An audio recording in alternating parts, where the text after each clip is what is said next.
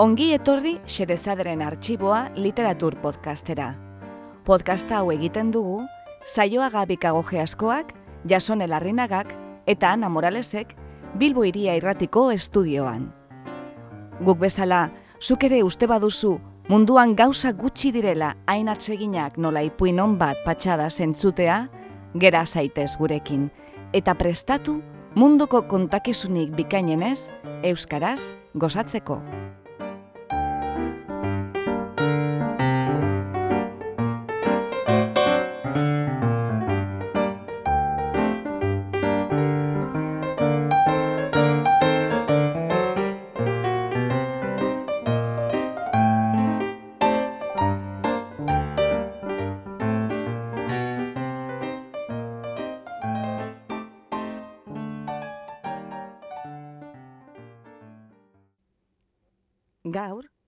Xerezaderen arxiboan, Iban Salduaren hiru ipuin. Menpekotasuna, De Pauli irakaslearen etxamina eta entropiarena.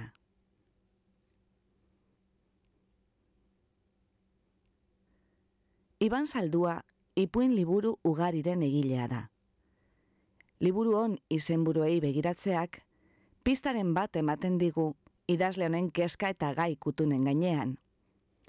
Gezurrak, gezurrak, gezurrak, deitzen da, haren narrazio liburu bat. Beste bat, berriz, traizioak. Urrengo bat, itzalak.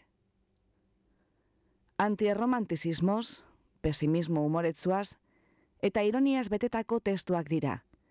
Inok bere burua serio egi hartzeko tentaziorik balu, behin eta berriz gogoratzen digutenak, San Simon eta San Juda kantako lerroura, ez kara ainonak benetan.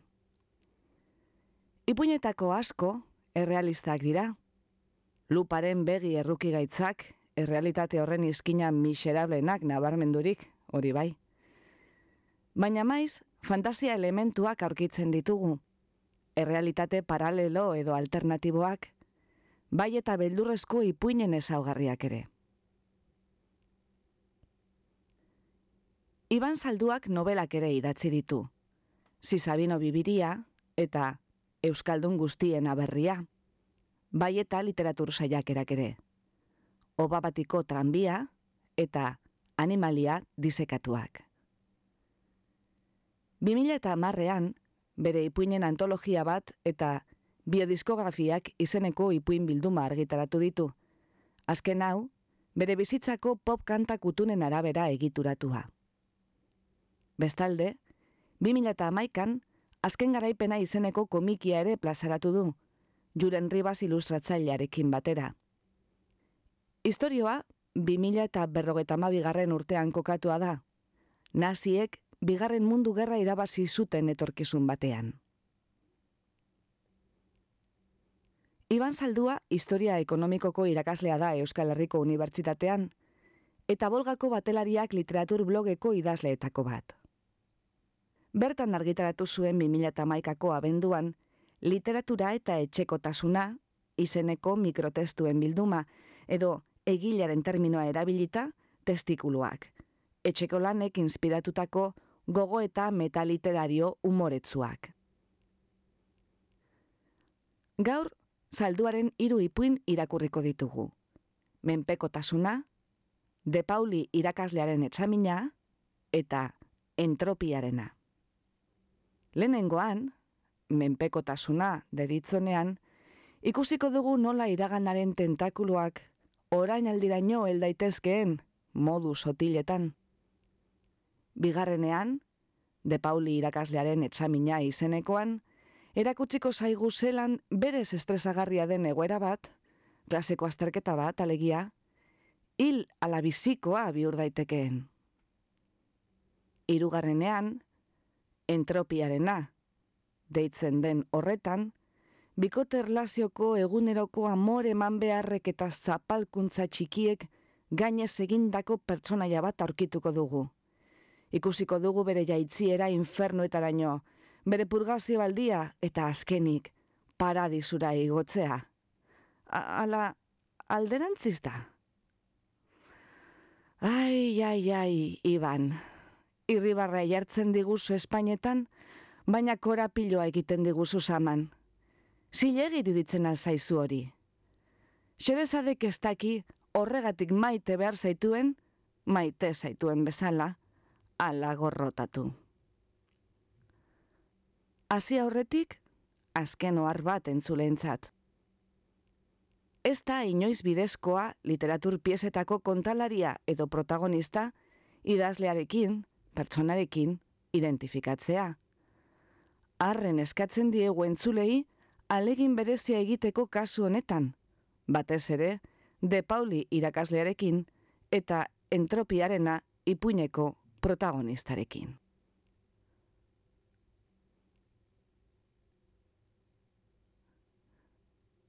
Menpekotasuna.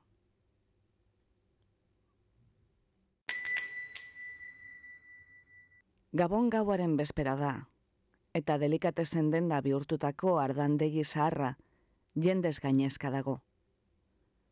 Beti bezala, aitaren zato paria erosteko ardura, nire esku utzi du anaiak, eta, beti bezala, botila pare bat ardo erostea erabaki dut. Anaia baino ardo ezagulek askarragoa banaiz ere. Inoiz saiatu izan gara bestelako gauzak erregalatzen, baina alferrik izan da. Soilik ardoarekin lortu izan dugu aitaren begien distira iragankor hori. Urrengo gabonak arte. Bere ala ezagutu diota hotza. Eskola garaitik ikusi espadut ere. Inaxio da nire aurrean bizkarra ematen didana. Ardoa eskatu du.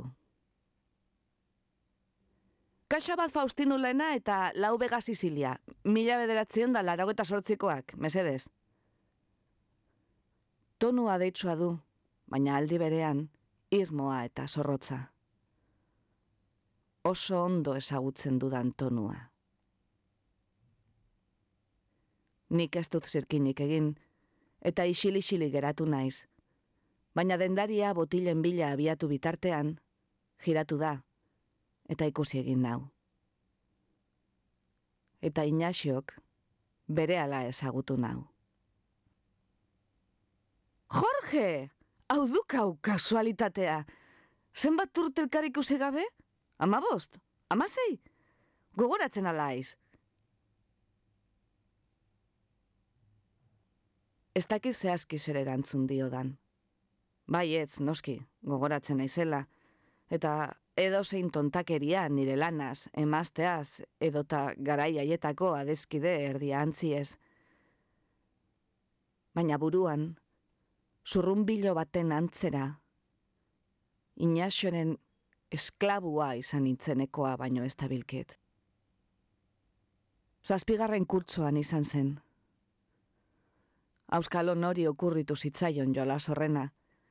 Baina sasoi hartan, klaseko laupa mutiko, gelako gizajoenak edo futbolean okerren aritzen ginenak, beste laupa bosten morroi bihurtu ginen. Gure hogazabek agintzen ziguten guzti guztia egin behar genuen, txintik esan gabe eta alik eta lasterren. Normalean, garrantzirik gabeko kontuak ziren, etxean prestatzen ziguten mortadela ogitartekoa ari ematea, iturrira arentzako hurbila joatea, haren etxeko lanak egitea. Beti etortzen naukona, gabonetan edo zerbait antolatzen dugun bakoitzean. Ospakizun on baterako, etzegok bega Sicilia bezalakorik. Jendeak nahi duena esango dik, baina ardo kontuetan upategi klasikoak nahiago. Telesail hartan bezala, izena galdetzen zigutenean, guk, kuntakinte, erantzun behar genien. Eta arduan, kokoteko bat ematen ziguten, tobi erantzun behar genuela esanez. Baina guk, kuntakinte erantzuten jarraitzen genuen, eta beste kokoteko bana hartzen. Harik eta hainbat kolpe, ez oso sendo eta gero, tobi ginela onartzen genuen arte. Beste mutil gehienak bere ala nekatu ziren, bizpairu aste iraun zuen jolasarekin. Ni, ordea, lau hilabetez izan nintzen, inaxoren esklabua. Eta festa ondo amaitzeko, malta whiskia noski. Ado egongoa ez nirekin, ezta? Inaxok, gabon afarirako erosten ari den edabei buruz hitz egiten jarraitzen du temati. Dendaria, ardoarekin itzuli da, eta ia zerbait gehiago behar duen galdetzen dio. Bai, jauna, botila bi nokando, ama urtekoak. Eta begiak liskatuz, nire gana, honek ez dipat ere biaramon ikusten. Egun batean, eskolako frontoian palas jokatzen ari ginela, inaxoren pilota horma gaineko sarean geratu zen trabaturik. Irakasleek erabat debekatu ziguten araño igotzea, baina egia esan, etzegoen eskalada horri aurre egingo zion kristauren semerik. Ordurarte, bederen. Inaxiok, ez zuen dunlo berde garesti ura galdu nahi, eta igotzeko agindu zidan. Oa nire pilotaren bila, Tobi, orentxe! Ez zuen zentzurik. Gimnasiako eskoletan argi utzita nuen bezala, ikasgelako baldarrena nintzen, bertigoa nuen, eta gainera, enuen igotzeko inolako gogorik. Ez zeukan zentzurik. Ez zeukan zentzurik, baina la ere, igotzen hasi nintzen hormak alboan zituen burdina asko koska erdoilduak erabiliz. Hasieran erraz egin zitzaidan, baina hormaren erdira ailegatu nintzenerako, izuak harrapatu ninduen, eta geldi-geldi geratu nintzen, eskora eta ezbera. Azpitik, ikaskiden algarak eta inaxoren aginduak ailegatzen zitzaizkidan, aize bortitz baten uluak bailiran. Alako batean, jola sorduaren amaiera eragartzen zuen zirena hotza entzun zen, eta handi gutxira irakasleak hasi ziren asaltzen. Azkenean, patxi, eskolako atezaina, nigana heldu eta oraindik ez dakit nola, jaitziarazi egin ninduen. Bi eguneko zigorra jasan behar izan nuen, eta gurasoen herrieta. Ez dut uste negar egin nuenik. Erositakoak bildu, eta kalera abiatu da, azkenik, inaxio. Dendan gauden guztiak, eta batipat ni, agurtuz. Ia laster ikusten dugun elkar! Nik gauza bera esan diot, baina nahiago nuke ala espalitz. Oroimenek urdaila nahasia utzi didate. Urdaila eta zerbait gehiago. Nire txanda heldu da. Dendariak, itxaropen handirik gabe, nirekin gogoratzen da, aurreko gabonetatik eta aurrekoetatik, ia zer nahi dudan bota dit. Une batez, urteroko galdera erantzun zalantza segidaren kalbarioari ekin behar diogula dirudi. Baina aurten, ez da alakori gertatuko. Be Begazi zilia, botila bi, mila bederatzeun da larogeta sortzikoak, oparirako mesedez. Etxera itzuli naiz, mantxo, paseatuz eskuan daramadan plastikozko poltsatik, elkar jotzen duten botilen soinu hitza heltzen zait. Opari paperez bildutako ardo biek ateratzen dutena. Eta baita nokandoak ere. Malta whisky honak ez omen du ajeri ikusten.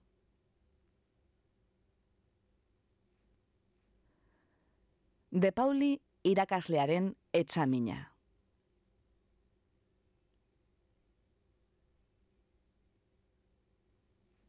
Denbora, jaun Andreok, oso garrantzitsua da. Etxamina batean, nola esango nuke, kasik aurreneko gauza da denbora. Frogaren hasieratik akabura lusatzen den xingola ikusezin eta erabakigarria.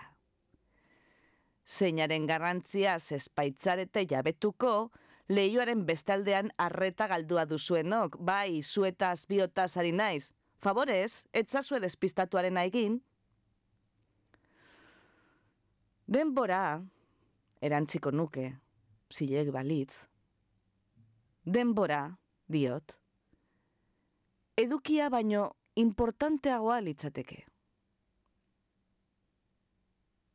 Igar dezake zuen bezala, haren aurrestea sari naiz gehien bat, minutuen iragaite soilaz baino gehiago.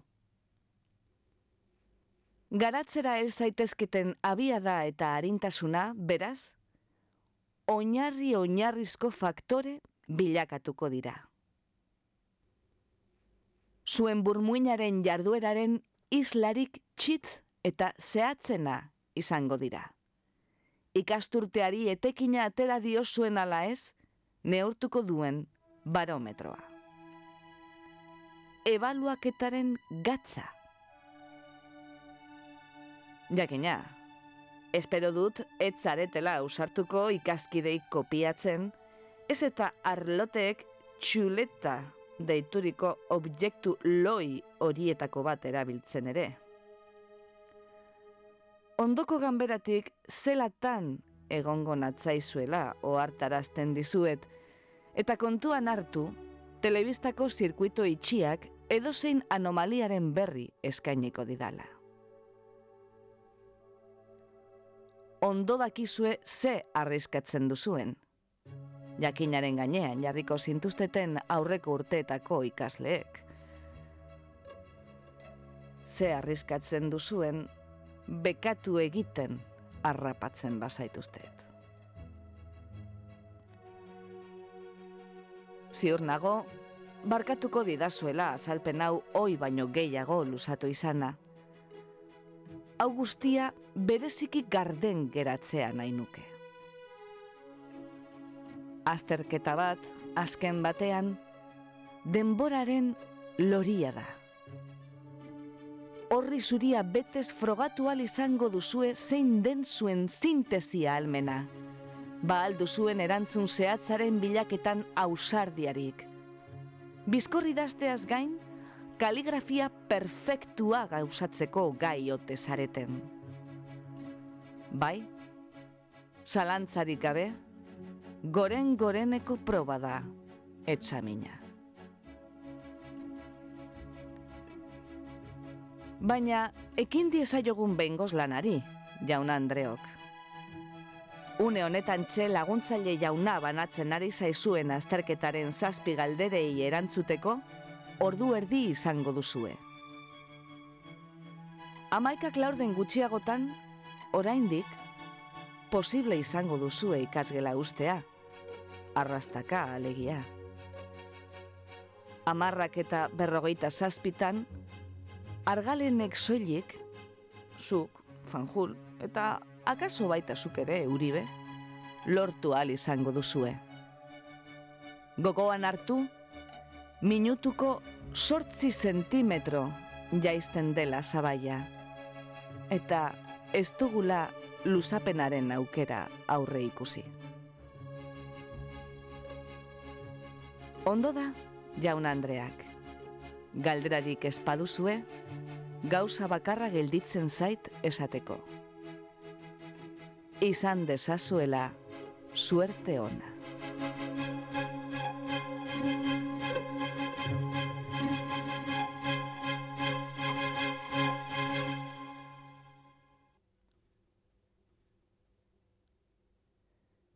Entropiarena.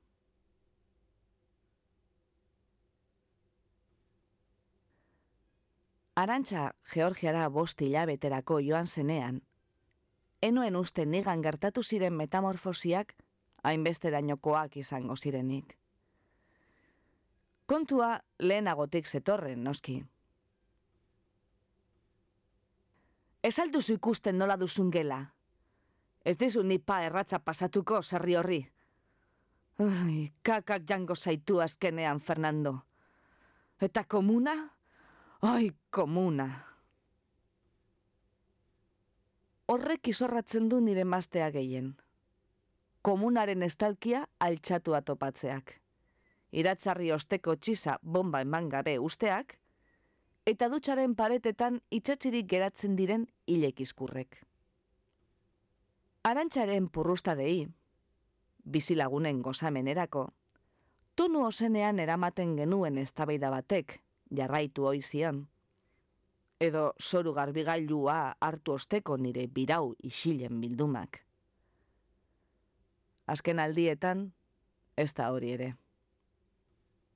Beraz, Eusko Jaurlaritzak elkarlaguntza plangintza ekonomikorako aholkulari gisa Arantxa Georgiako Errepublika Sovietar oira bidaliko zuela jakin nuenean, ezin esan puska bat postu ez nintzenik. Kreditua ordaintzen hasi ginenetik, etxean gustura izateko lehenengo aukera izango nuela iruditu zitzaidan. Ni potroetaraino nengoen, eta ez bakarrik garbiketa kontu hiengatik arantxa maite nuela sinesten jarraitzen alegintzen banintzen ere, haren gero eta gauza gehiago gertatzen zitzaizkidan gorrotagarri. Garbit zaletasunaz gain, jakina. Landarekikoaren grina, etxea amaika fikus, espatifilos eta marantas beteri daukagu. Edo, haren horror bakuia. Todo azienetan, erabilgarritasunik gabeko objektuak erosteko joera hori. Eta txortan ez egiteko jartzen zizkidan ostopo eta aitzakia errepikatu egiak.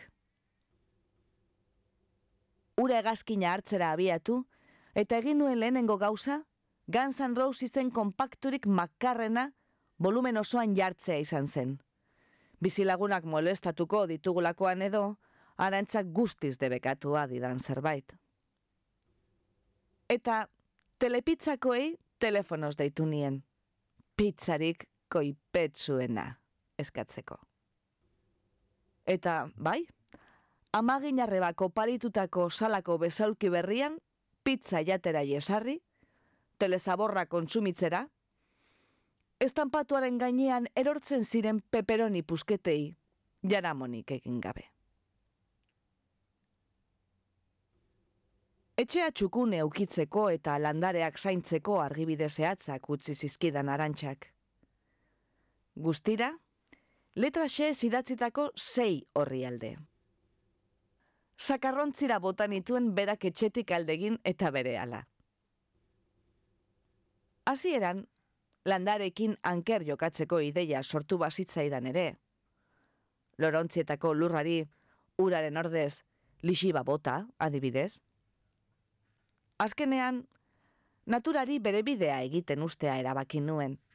Lehortearen efektuak posoiarenak bezain behin betikoak izango zirelakoan.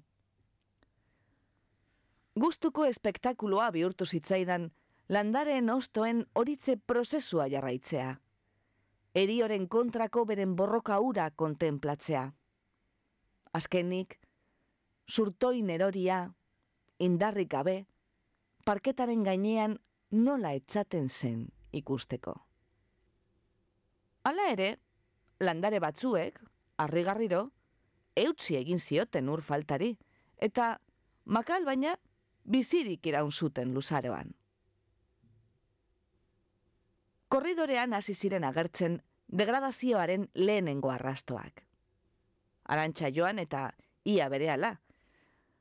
Baina kontzienteki enien kasurik egin arratoiak deitzen nien. Esko batze esak zorrarazten dituen hile eta hautz bola gris gero eta handiago hoiek ziren arratoiak. Haien bizitza mugimendu eta bilakaera jarraitzea zaila zen. Ustekabeko ostikada batek, korridoreko eragin sonetan arratoiek zuten kokagunea erraz alda baitzezakeen, lurraldetasun gatazkei hasiera emanez. Eta batzuetan, jainko izatera ere jolasten nintzen, eta gogoko nituenei, abantailak eskaintzen izkien, beste naurkako leian. Behin baino gehiagotan eraman nuen maiteen nuen arratoietako bat, sukaldeko ate ondora, handik atera oizen zikinkeriaz lehenen elikazedin. Leku horretan, bizkorrago loditu eta laster jabetzen zen pasilloaren ekialdeaz, inguruan zebiltzan beste arratoi gaixoak usatuz edo irentziz. Bainugela, aparteko kontua zen, noski. Arantxa desagertu eta azte bi geroago, komun ontziaren ertzetatik, goitik beherako zikinune ilun luzeak eratzen hasi ziren, eta laupabost egun behar izan zituzten ondoko ura ukitzeko. Gaina eta ingurua, zer esanik ez, kolore eta tamaina anitzeko zipristin, hile eta orbanez bete ziren. Konketak, berriz, bizarilez eta odoltanta zapaindurik iraun zuen. Laugarren asterako, oinetakoak lurreko grezean itxasten ziren. Bainu gelara sartzeko abentura oraindik zingiratzuagoa bilakatuz. Areko ipetsuagoa zegoen sukaldeko abezain bat, gutxienez. Sala etzegoen hobeto. Lurrean barraiatutako kutsaren eskutitz ireki gabeak eta eroskiko garagardo latak astean behin biltzen nituen, eta beti utzi behar izaten nuen sofaren aspira ies egiten zidan bateo bat. Telebista horrean eseri, eta beti pentsatzen nuen leioa ireki eta gela eguraztu beharra zegoela. Baina ordurako aparatua urrutiko aginteaz piztuta neukan eta altxatzeko gogo guztiak aldekin da.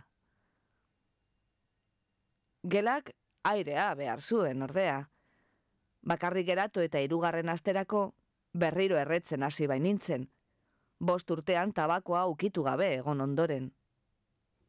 Arantxa eta biok, berrogeita marna mila peseta kostatu zitzaigun ikastaro tratamendu batean apuntatu ginenetik, hain zuzen ere.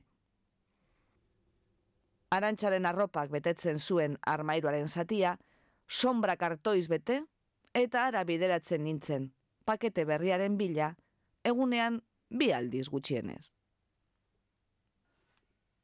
Garbigailua, arantxak izugarri maite zuen kandi zuri distiratzua, bere horretan geratu zen, eta en nuen bost hilabetean ukitu ere egin.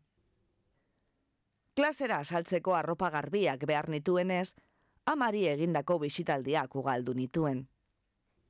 Hasieran, arropa zikinez beteriko poltsatzarrarekin agertzen nintzen bakoitzean, marmarka azten zitzaidan ama, baina azkenean pozik egiten zuen lana.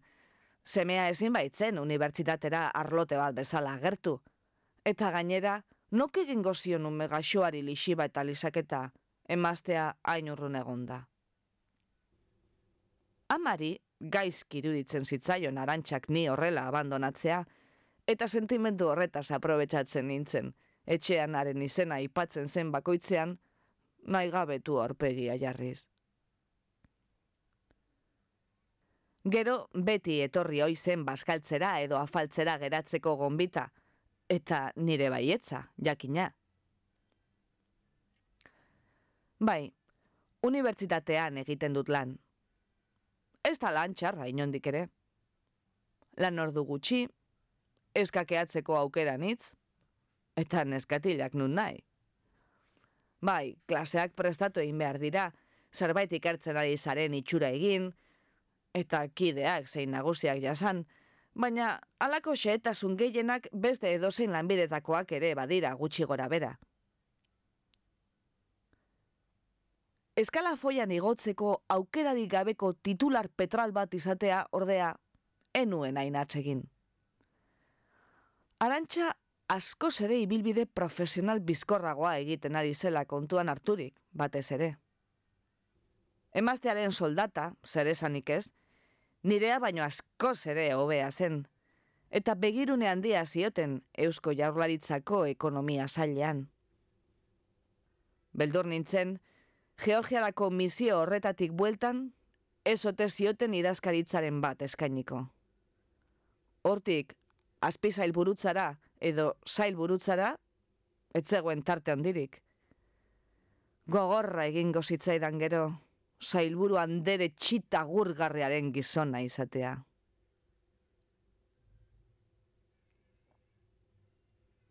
Etxere tzultzen nintzenean, atzeginez, degradazio prozesuaren aurrera pausoak errepasatzen nituen.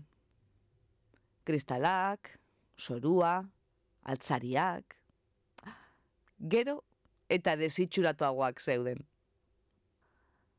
Hala ere, auskalo fideltasunaren zein barne mekanismo keraginda, gauza batek tinko zirauen mare magnum horren erdian. Bosalai umea bezbatzari emandako trofeoa, forma zehatzik gabeko ia metro erdiko eskulturantzekoa, metal ilunekoa, Gipuzkoako diputazioaren plaka batekin. Cuarto Premio de Corales Infantiles y Juveniles 1971. On Joakinek zuzentzen zuen herriko abesbatza horretan ezagutu genuen elkar arantxak eta biok. Eta batetaki ze bide biurritatik, abesbatza aspaldi desegin baitzen, gure eskuetara heldu zen amar urte genuelarik irabazitako sari horren gara ikurra.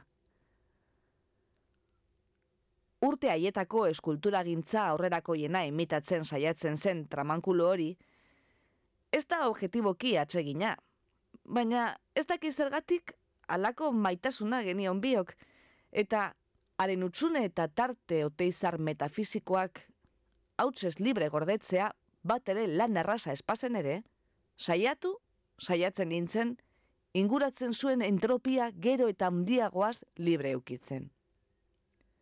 Astean behin gutxienez, eta arantxaren aginduak zehatz mehatz jarraituz. Sala erdiko maetxuan zegoen. Goiko ertza leiora begira. Arantxak uste baitu, kokapen horretan mendebaldera ematen duen leiotik, arratsaldeko eguzki izpiek modu berezi batean jotzen dutela. Halako esan nahi erdi kabalistikoa edo ematen diola. Nik ez dut ontakeria hoietan sinesten, baina argi efektua atsegin zaidala aitortu behar dut. Trofeoa, beraz, irla baten antzekoa zen niretzat, eta bost hilabete horietan antxe iraun zuen, ukiezin, sendo. Etxeaz jabetzen ari zen igadura ordea, muga guztia gainditzen hasi zen. Eta espazioa ez ezik, neure bizitzaren beste alderdi batzuk inbaditzera jo zuen mila bederatzion eta larogeita irutik, alako batean izan gabe banenguen ere, asko pentsatzeke, manifestazio batera joan nintzen. Barrutik barrez lehertu nintzen, arantzak jarriko zuken aurpegia irudikatzen saiatu nintzenean.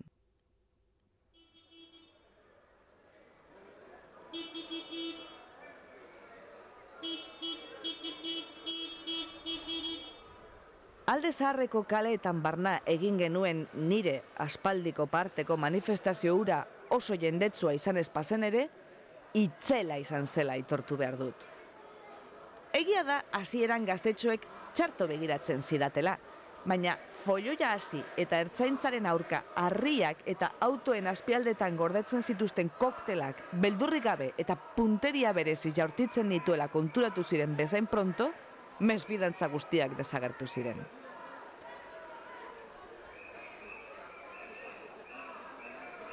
Dudarik ez, hainbat egunetako bizar barbanak eta ad hoc jantzinuen aspaldiko alkandora kuadradunak lagundu zuten. Eta nuklearrik ez txapa erraldoi falsifika ezinak ere bai. Izugarri ondo pasatu nuela esan beharko nuke, baina amaierako zatia etzen ba hain posgarria suertatu. Adinak espaitu barkatzen, Eta gazteek, nik baino asko ere harinago ies egin baitzuten ertzainek argatu zutenean.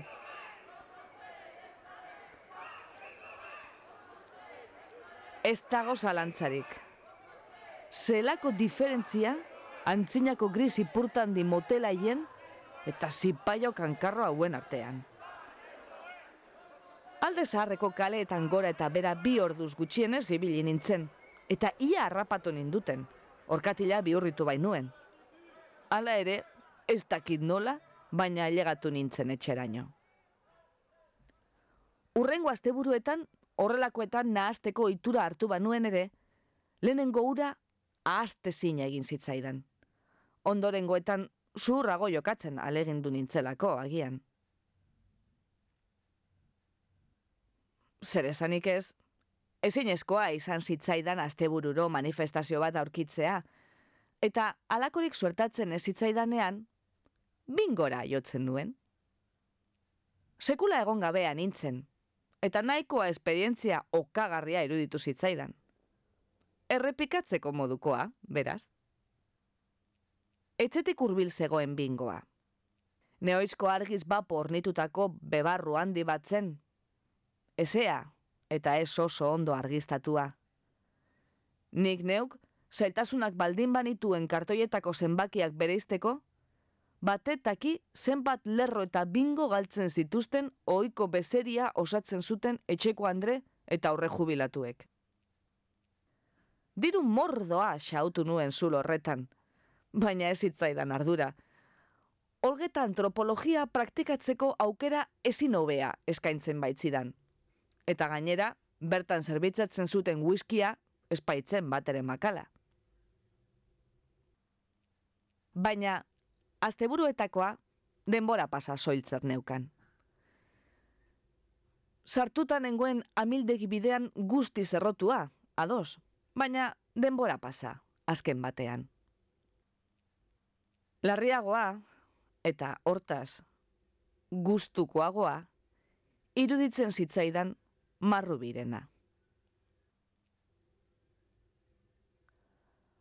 Aurreneko egunetik begistatu nuen, eta apustu egingo nuke, lehenengo ikasturteko neska horri ere gauza berbera gertatu zitzaiola. Ikasle txarra izanik ere, isiltzen ez den noietakoa zen, naiz eta kristolako astakeriak bota. Eta gainera, arrazoia izan ala ez izan, etzion irakasleri bat pera ere barkatzen. Xalotasunik gabekoa, guztiz gorrotagarria zen. Eta ez bere ziki polita gainera. Gizena, titi aukeran handi samarre ornitua, industrialderen batek jandako baserri hoi bateko alabaren itxura bete-betea zeukan. Izena ere, auskalo nondik atera zuten gurasoek. Marrubik eta biok argi geneukan etzuela kurtsoa gaindituko besterik ezean behintzat. Eta hortaz, enrollatu egin ginen. Nola gertatu zen estioa xolandirik? Laugarren kurtzokoek antolaturiko jaialdia eta diskoteka gogoratzen ditut, lausoki bada ere. Kontua da, nire txeko era, ez dakit nola, heldu eta larrutan hasi ginela ondo genekien biok zertara gindoa zen, eta horren bestez, ez dut uste asteetan egin gabeko oearen itxura, eta kiratza, ostopo handia izan zitzaionik. Arropa narraski kendu niola gogoratzen dut, eta itzulingururik gabe, titiak igurtzen hasi nintzaiola. Kondoirik ere nuen atera, baina une hoietan ez zitzaidan batera inporta. Hasieran, haren irribarrea sumaturik, pentsatu nuen etzela gaizki pasatzen ari, eta gogorrago ekin nion. Ia antzitako usain ezagun bat sumatzen hasi nintzen arte. Marrubiren irribarre maltzurrak, hilekoarekin zegoela konfirmatu zidan. Amak regalatutako izara zuri horituen gainean mantso-mantso zabaltzen ari zen putzu iluna imaginatu nuen. Eta naskaren antzeko zerbait sentitu ere bai. Baina ordurako berdin zitzaidan. aurrera jo nuen, anabasa guztirokoa izan zedin. Ekainean, nahikoa jarriko niola jakinda ere, marrubik nirekin zakar portatzen jarraitu zuen, bai klasean, ura gehiago inporta zitzaidan, beste ikaskideen arrespetua kolokan jartzen baitzuen, eta bai larrutan egiten genuenean. Horri enion garrantzi berezirik ematen, nire ere sakar aritzeko parada ematen baitzidan. Alata guztiz ere, elkarrekin oheratzen jarraitu genuen, nire etxean, noski. Eta hasieran uste izan nuena baino aste gehiago iraun zuen kontuak. Akaso marrubik, nire etxeko egoera lasgarria nik bezain ondo ezagututa ere, ez zidalako sekula ezertxo ere aurpegiratu. Edo zelan ere, usaimenaz ondo frogatu al izan nuenez, marrubi bera ere etzen garbizale amorratua.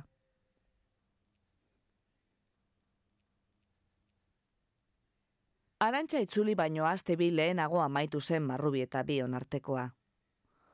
Kurtzoa bukatzear zegoen, eta ezin ukatu irtenbide bat bilatu nahian enbilenik. Alde batetik, oso pozik nengoen etxearen egoerarekin eta asteburuetako ateraldiekin. Bestetik, marrubi gorrotatzen banuen ere, era berean bazen arengana erakartzen ninduen zerbait, eta egia esan, enekien zer egin. Trofeoarena gertatu zen arte. Arratzalde hartan, fakultatetik heldu berriak, Ez egiteko gogo gutxi genuela eta, telebista aurrean paratu ginen, aurreko gauean eskatutako teletxinatar bateko ondarrotzak askaltzen genituela. Halako batean, abez batzaren trofeoaz txantxa bat egitea bururatu zitzaion marrubiri. Eta baita eskuetan hartzea ere, zein itxusia zen komentatzen zidala. Ez dakiz ze kastoratu ninduen gehien. Marrubiren gure etxeari buruzko lehenengo iruzkina entzuteak, edo trofeoa salako maitik nola altxatzen zuen ikusteak. Guztia, kamera geldoan ikusten nuela iruditu zitzaidan. Gure trofeoa, marrubiren esku lodi lizunetan, mai gaineko hauts pilatuan geratutako utxune kuadratua. Marrubiren erdeinuzko irribarrea. Besaulkitik altxatu, eta eskultura kenduala sekulako zaplatekoa eman nion. Zurbil geratu zen, eta bapatean, dena esan da zegoela jakin nuen, eta baita, hortik aurrera egin beharreko guztia ere. Ez nuen hitz bat ere gehiago gurutzatu, eta atea hartu, eta dan bateko batez itxi zuen.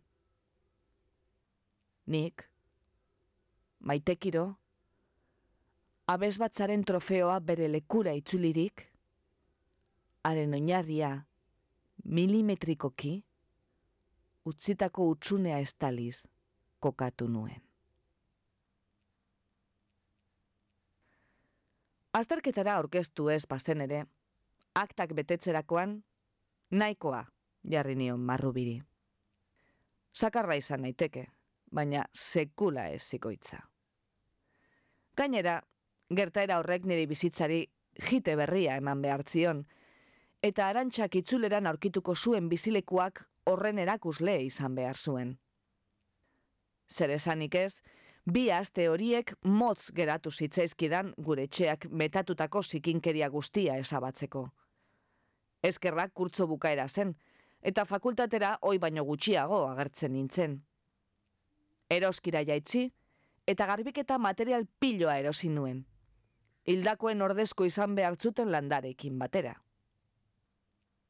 Gomasko eskularru zondo ornitua, borrokarako prestatu nintzen altzarietako hautsa kendu, sorutik erratza eta xurgagailua behin eta berriro pasatu, arratoiak lezioa ondo ikasirik korridorearen beste puntan hasi ziren ugaltzen bukatu eta berehala.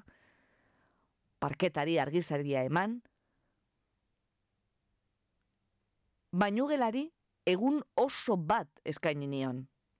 Ezin eskoa zitzaidan komunontziko orbanak kentzea, ez da amoniakos kriski kraska ibilita ere. Lau eskularru pare berrindu nituen operazioan, eta behatzetan, irugarren mailako erredura bat edo beste lortu ere bai. Leioak kristasoles garbitzera ino iritsi dintzen.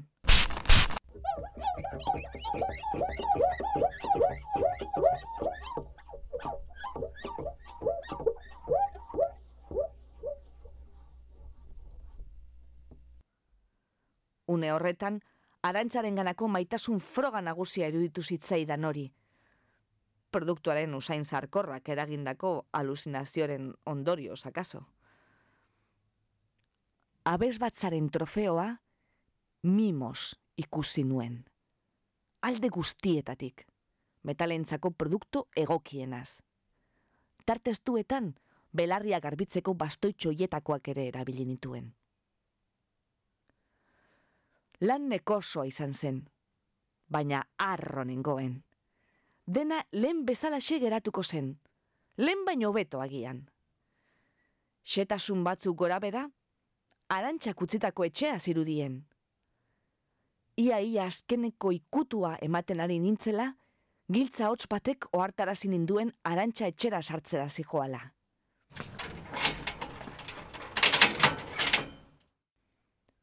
Besarkada handi batez agurtu nuen.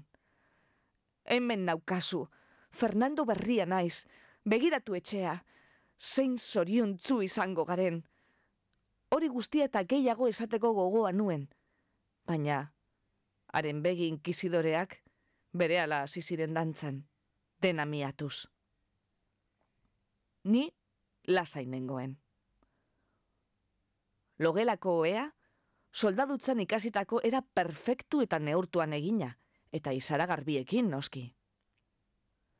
Oraindik berni zuzaina zerien ate margotu berriei.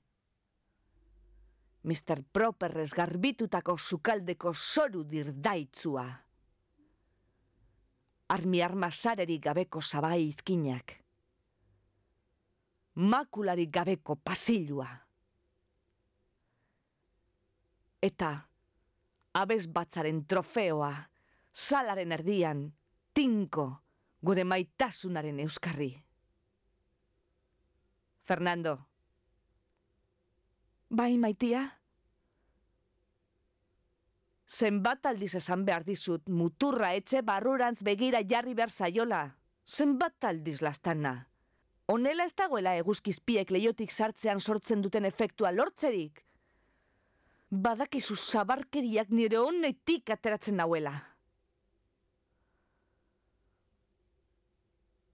Banekien.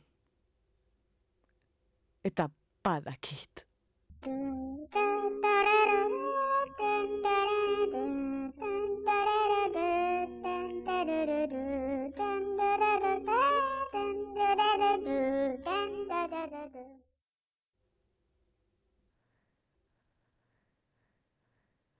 Entzun dituzu, menpekotasuna, de Pauli irakaslearen etxamina, eta entropiarena. Egilea, Iban Saldua.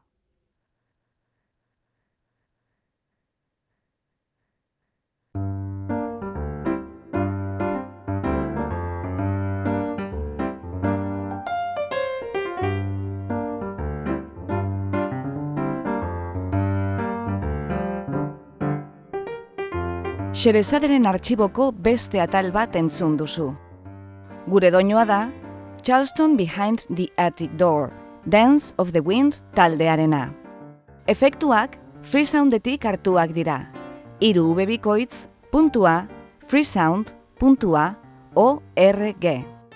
Podcast hau egiten dugu, saioa gabikago geaskoak, jasone larrinagak eta Ana Moralesek Bilbo iria irratiko estudioan. Mila esker gurera hurbiltzeagatik. Gustora egon bazara, etorri urrengo batean berriz ere, xedezaderen arxiboa literatur podcastera. Laster arte!